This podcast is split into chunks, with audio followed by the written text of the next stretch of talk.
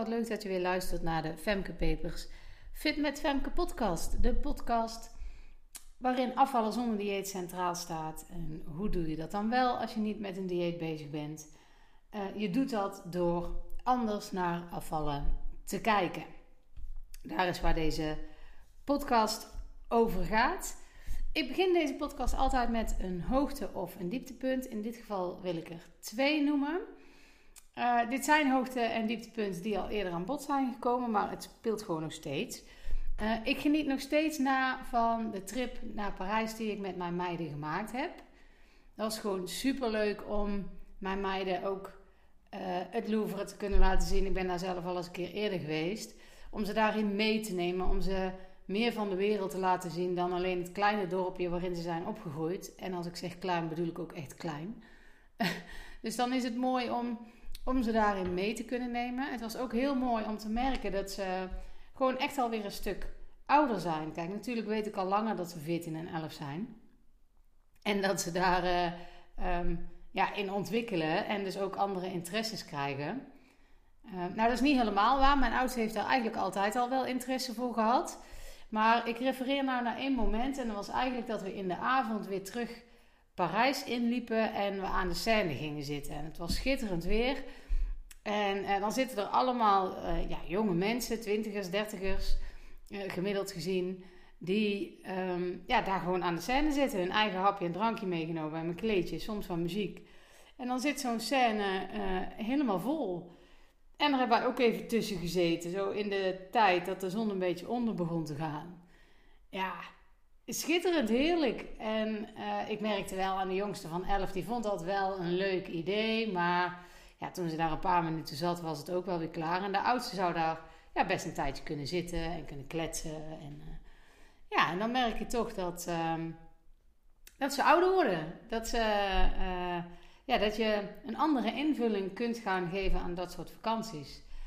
En dat was echt wel heel erg leuk. Dus er was eigenlijk één groot hoogtepunt. Dat was hartstikke gezellig. We sliepen met z'n drieën op een hotelkamer.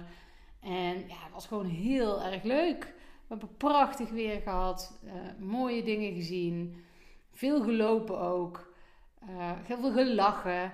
Dus ja, nou, ik kijk alweer uit naar de volgende uh, stedentrip met mijn meiden. En mijn meiden zelf ook. We hebben al gekeken. Valencia staat hoog op hun verlanglijst. Het grote nadeel daarvan is, is dat je daar naartoe moet vliegen. En... Um, ja, dan ben je meteen uh, de ticketprijs keer drie kwijt natuurlijk. Dus dan loopt wel meteen in de euro's. Sorry, even een slokje drinken. Dus dat loopt wel meteen in de euro's. Maar ik vind het wel heel leuk om dit soort dingen samen met de meiden te doen. En als het enigszins kan, misschien kunnen we het toch ook wel dichter bij huis zoeken. Dat we er wel gewoon met de auto naartoe kunnen. Niet dat dat heel goedkoop is overigens tegenwoordig. Maar het scheelt natuurlijk wel. En um, ja, ik heb daar nog steeds gewoon uh, echt een positieve vibe van. Ik vind het echt heel leuk. Ik heb op de wc, ik heb een wc-deur. Uh, de meeste mensen hebben een wc-deur. maar ik heb aan de binnenkant van de wc-deur ik allemaal foto's gehangen. Van de meiden en uh, van mij. En ik heb daar nou ook foto's van Parijs opgehangen. En één fotootje van Daan, van de jongste. Die, uh, die had op een gegeven moment een barretje op van Moon. Moon had een barretje gekocht als souvenirtje. Ze mochten dan allebei een souvenirtje uitkiezen.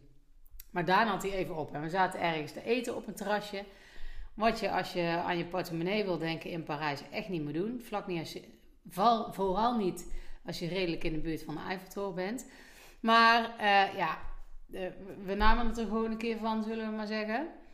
En ze had dat baretje op en ze was ja, helemaal theatraal aan het doen. En ik heb daar gewoon een serie fotootjes van haar van gemaakt.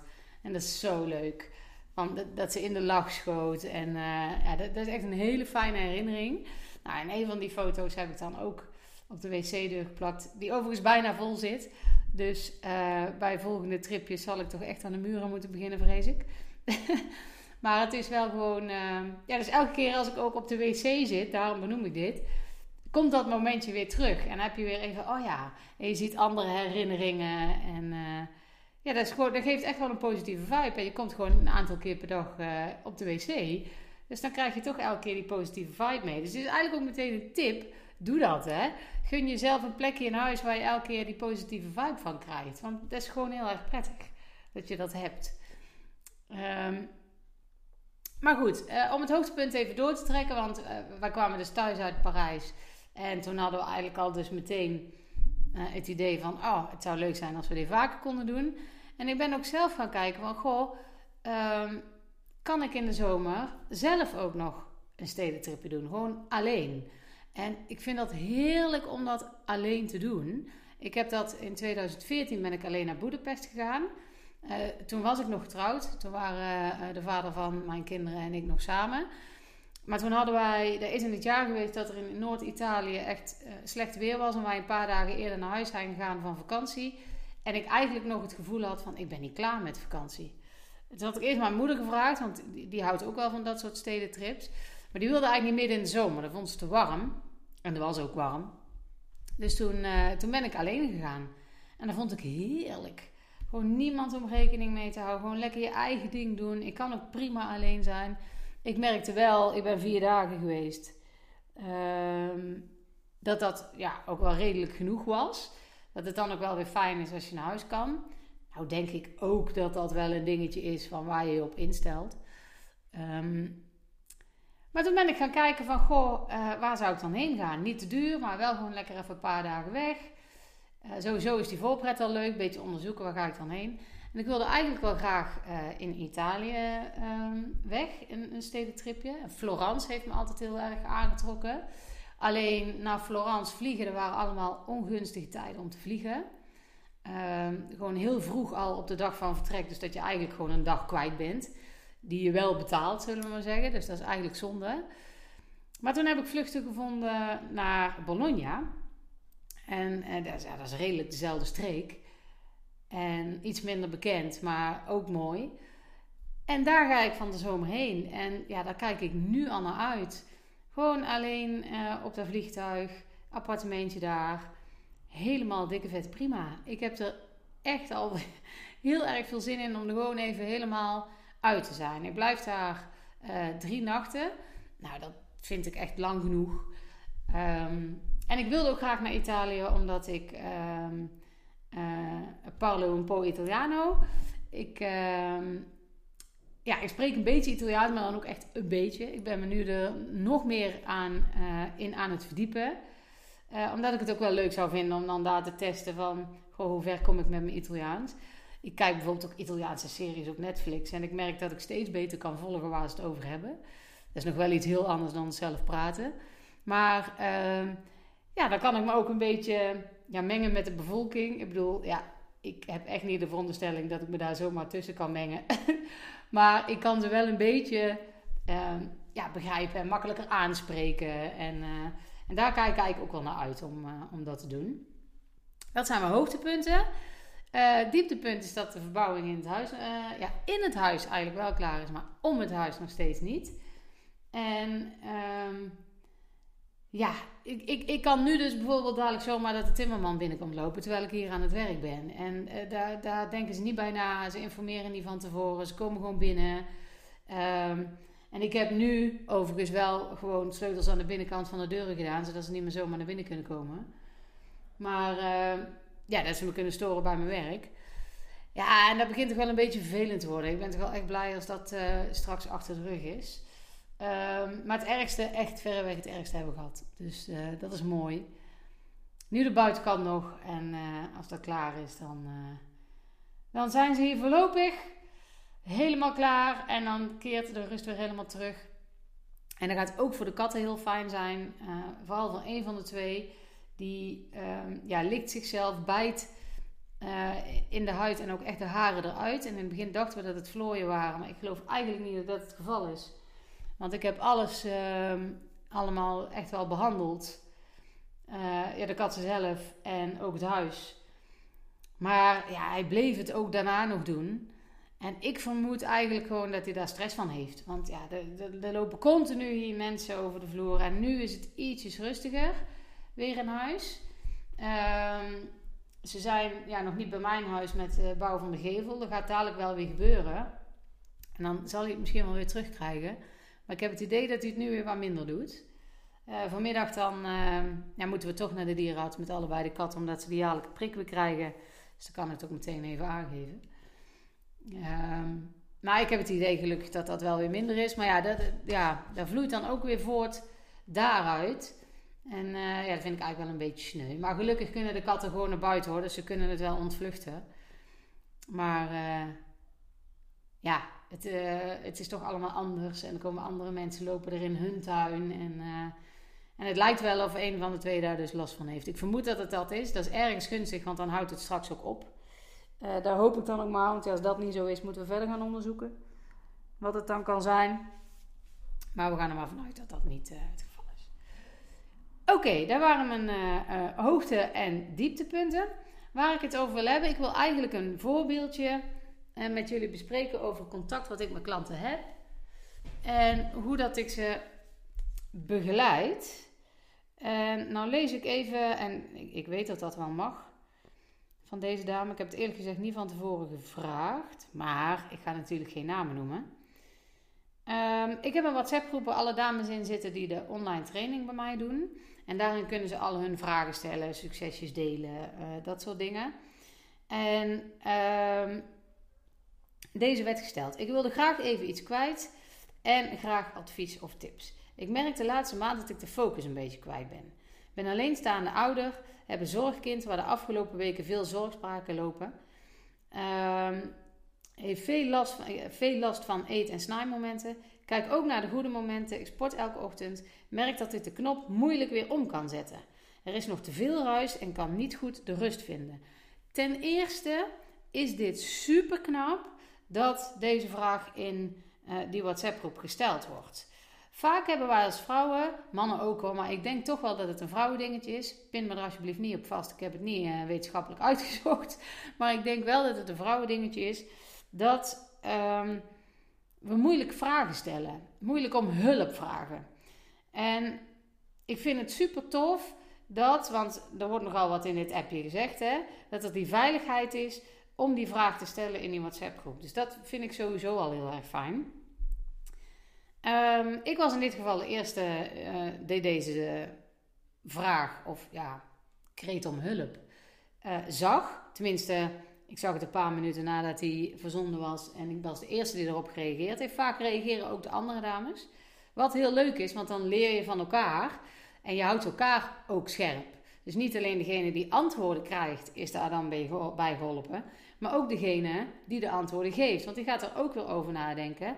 Plus dat je de ervaring krijgt: oh, ik ben niet de enige. Nou, dat is gewoon super fijn. Um, aan de hand van dit appje kun je eigenlijk ook al best wel goed merken waar mijn begeleiding op geënt is. Op gedrag. Zij heeft het eigenlijk niet over eten. Ze geeft wel aan dat ze snaai- en eetmomenten heeft. Maar uh, er worden geen eetvragen gesteld. En dat is ook niet het probleem.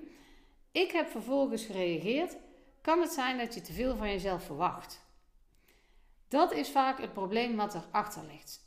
Alle ballen hoog willen houden het voor jezelf goed willen doen. Ik weet dat er bij deze dame nog meer dingen spelen dan alleen uh, het zorgkind.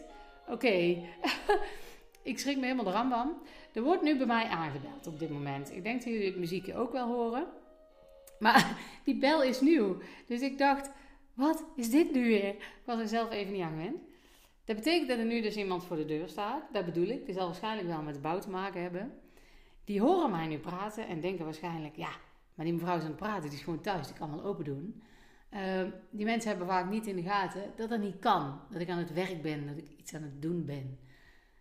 Um, daar zit ook dat dieptepunt. Het is eigenlijk heel mooi dat hij nu meteen er doorheen komt. Maar, uh, maar goed, dat is het. Zou mij niks verbazen als er dadelijk ineens iemand in de tuin staat en met mij contact probeert te maken. Um, volgens mij hoor ik het ook al. Maar ja, ik moet ook echt mijn werk afmaken. Het is niet anders. Um, waar was ik? Ja, ik, ik was aan het vertellen dat uh, bij deze dame uh, er meer aan de hand is dan alleen uh, het zorgkind, wat dan nu wel het meest op de voorgrond ligt.